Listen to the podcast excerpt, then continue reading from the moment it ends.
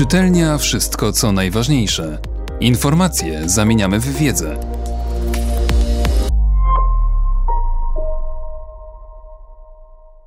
Magdalena Łysiak Zwycięstwo literatury polskiej, czyli jak Sienkiewicz Nobla zabrał. W 1901 roku pojawiły się pierwsze głosy, że Sienkiewicz powinien dostać Nagrodę Nobla. Sprzedaż samego Quo Vadis w Ameryce sięgnęła 800 tysięcy egzemplarzy. Zagorzałym wielbicielem tej powieści był William Faulkner. Tak jest, przyznano. Zwycięstwo literatury polskiej to radość po prostu powszechna. Napisał w 1905 roku do syna Henryk Sienkiewicz, dodając Sekretuch są aż do 10 grudnia z tamtej strony, nie chcąc widocznie narazić się za wcześnie na wrzaski pruskie i zawiadamiania urzędowe Rosji. Wbrew powszechnej opinii pisarz nie dostał Nobla za Quo Vadis. Uzasadnienie komitetu brzmiało Because of his outstanding merits as an epic writer. Za jego wybitne osiągnięcia jako pisarza epickiego. O Sienkiewiczu było już wtedy na świecie głośno. Czytano go w kraju namiętnie, to wiemy bardzo dobrze. Jego słowa podnosiły rodaków na duchu, kiedy Polski nie było na mapach. Pisał dla pokrzepienia serc, jak sam zaznaczył na zakończenie trylogii, dodając jednak, że robi to w niemałym trudzie. Naród zdaje rachunek. Polacy czekali na kolejne odcinki z przygodami sienkiewiczowskich bohaterów wydawane w krakowskim czasie i warszawskim słowie. Pisali petycję do autora, by historia miłosna Skrzetuskiego zakończyła się szczęśliwie. Płakali nad panem Wołodyjowskim. Przez kraj przetoczyła się nawet potężna dyskusja, czy można odprawiać msze święte za duszę pana podbipięty. Nikt nie był wcześniej ani później tak szaleńczo czytany jak Sienkiewicz. Stefan Żeromski opisał we wspomnieniach przygodę swojego znajomego, który miał interes na poczcie, czekał tam więc. Razem z nim czekało na przyjście poczty ze dwudziestu szewców, czeladników, sklepikarzy. Czekali na słowo. Gdy poczta przyszła, urzędniczek pocztowy zaczął czytać potop na głos. Ci ludzie czekali tam parę godzin, oderwawszy się od pracy, aby usłyszeć dalszy ciąg powieści. Nie darmo mówią, że naród zdaje rachunek przed Sienkiewiczem z uczuć polskich. Gdzie cytryna dojrzewa? Admiratorem jego twórczości był m.in. profesor Stanisław Tarnowski z Uniwersytetu Jagiellońskiego, który napisał o powieściach same pochwały. Kiedyś pamiętniki, może i historie literatury wspominać będą, że kiedy wychodziło ogniem i mieczem, nie było rozmowy, która by się od tego nie zaczynała i na tym nie kończyła, że o bohaterach powieści mówiło się i myślało jak o żywych ludziach. To z kolei wściekło Aleksandra Świętochowskiego, który na łamach warszawskiej prawdy kpił. Ostatecznie Mickiewicz był tylko Mickiewiczem, podczas gdy pan Sienkiewicz, według zapewnień hrabiego Tarnowskiego, jest jednocześnie Mickiewiczem, Homerem, Shakespearem, Dantem, Tassem, a może nawet Edisonem i Bismarckiem. Negatywne artykuły przeważały w prasie polskiej, nic dziwnego, że po takich głosach Sienkiewicz dostał uczulenia na rodzimych krytyków. Po skończeniu potopu pisał do przyjaciółki. Obaczysz, jakie sfory wypuszczą na mnie, jakbym krzywdę krajowi i literaturze uczynił. Oczywiście znajdą się i inne głosy, ale ja sobie pojadę, gdzie cytryna dojrzewa i nie będę tego czytał. Hit w Ameryce i Rosji. Tym ciekawszy jest więc fakt zawojowania przez powieści Sienkiewicza nie tylko Europy, ale i świata.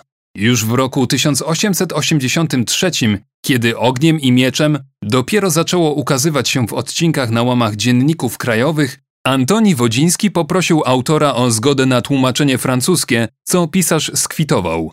Mniemam, że to, co się tyczy siczy zaporowskiej, będzie dla nich czymś nowym.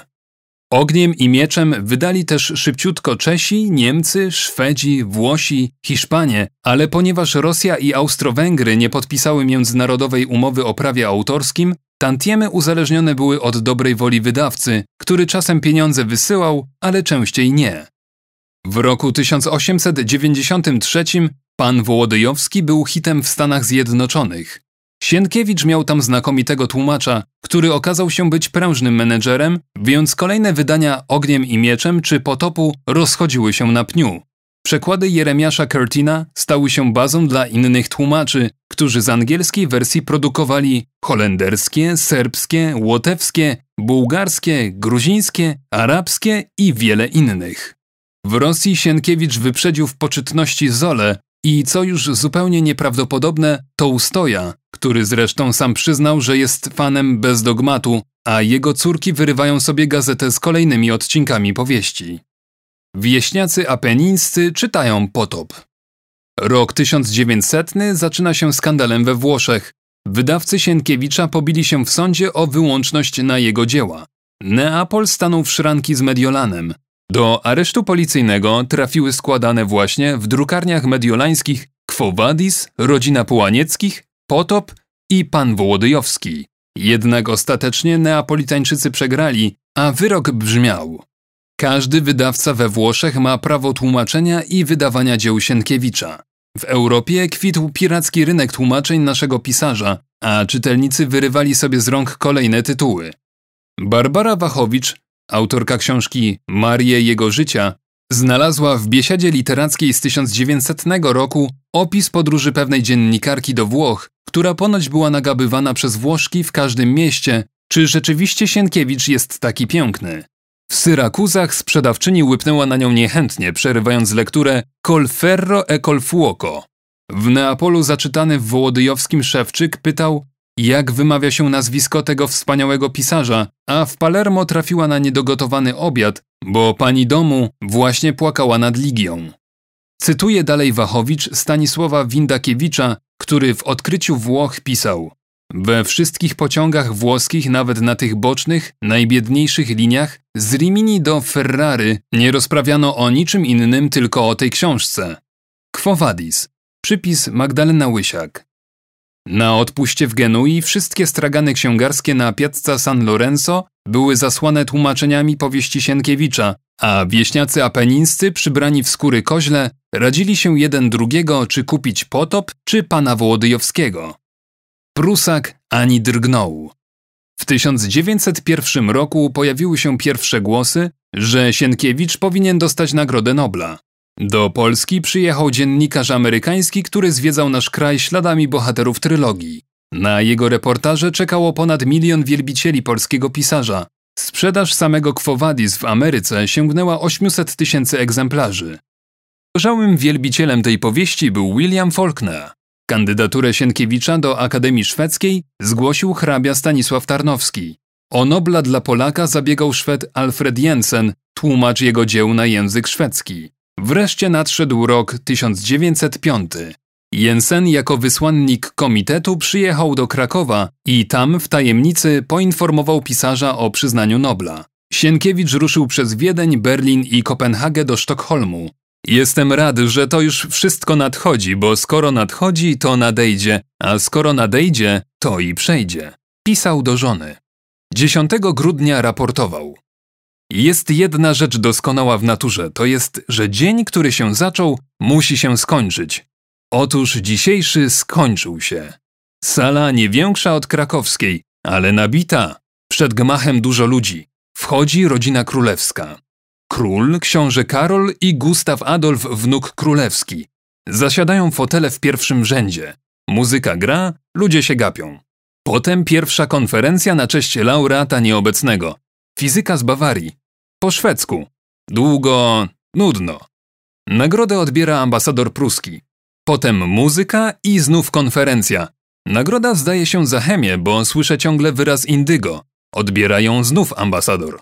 Następuje trzecia konferencja, medyczna, po czym występuje obecny Koch. Na koniec mówi Wirsen. Mówi długo po szwedzku, po czym kończy po francusku naturalnie, niesłychanymi pochwałami dla trylogii, bez dogmatu, rodziny Połanieckich, Kwowadis i Krzyżaków. Patrzę ukosem, jak to przełknie pruski ambasador, który siedzi koło mnie. I wpadam w dobry humor przy opisie Grunwaldu.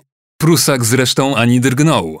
Potem wszyscy wstają, król również, bierze pudełko z medalem, patent, a ja idę jednocześnie przed jego fotel. Wręcza mi to wszystko, po czym ściska moją prawicę tak długo i tak serdecznie, że niewątpliwie dłużej i serdeczniej niż poprzednio ambasadora i kocha, po czym nakrywa moją rękę swoją drugą i ma taki poczciwy wyraz twarzy, że miło patrzeć. Rozlegają się brawa, muzyka gra hymn szwedzki. Kłaniam się królowi, po czym mijając zatrzymuję się i kłaniam powtórnie przed Karolową Gustawową, czego nie zrobił Koch. Było to zauważone i dobrze przyjęte. Koniec. Ona żyje. W liście do żony Sienkiewicz nie wspomniał o swej przemowie dziękczynnej, w której nie omieszkał wobec zgromadzonych przedstawicieli świata i prasy opowiedzieć o Polsce.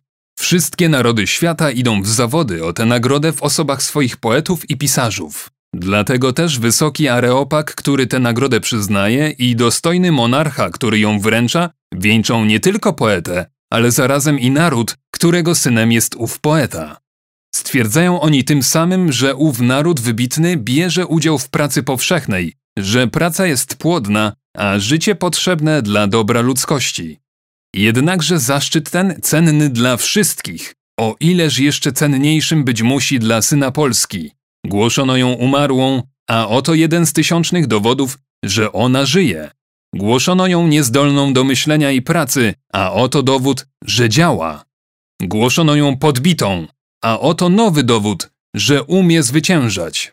Komuż nie przyjdą na myśl słowa Galileusza Epur simuowe, skoro uznana jest wobec całego świata potęga jej pracy, a jedno z jej dzieł uwieńczone. Więc za to uwieńczenie, nie mojej osoby, albowiem gleba polska jest żyzna i nie brak pisarzów, którzy mnie przewyższają, ale za to uwieńczenie polskiej pracy i polskiej siły twórczej Wam, panowie członkowie Akademii, którzy jesteście najwyższym wyrazem myśli i uczuć waszego szlachetnego narodu, składam jako Polak najszczersze i najgorętsze dzięki. W liście do Osuchowskiego zaraportował: Byłem, Nobla zabrałem, wróciłem. Czytelnia Wszystko co najważniejsze. Czytał Mateusz Mleczko.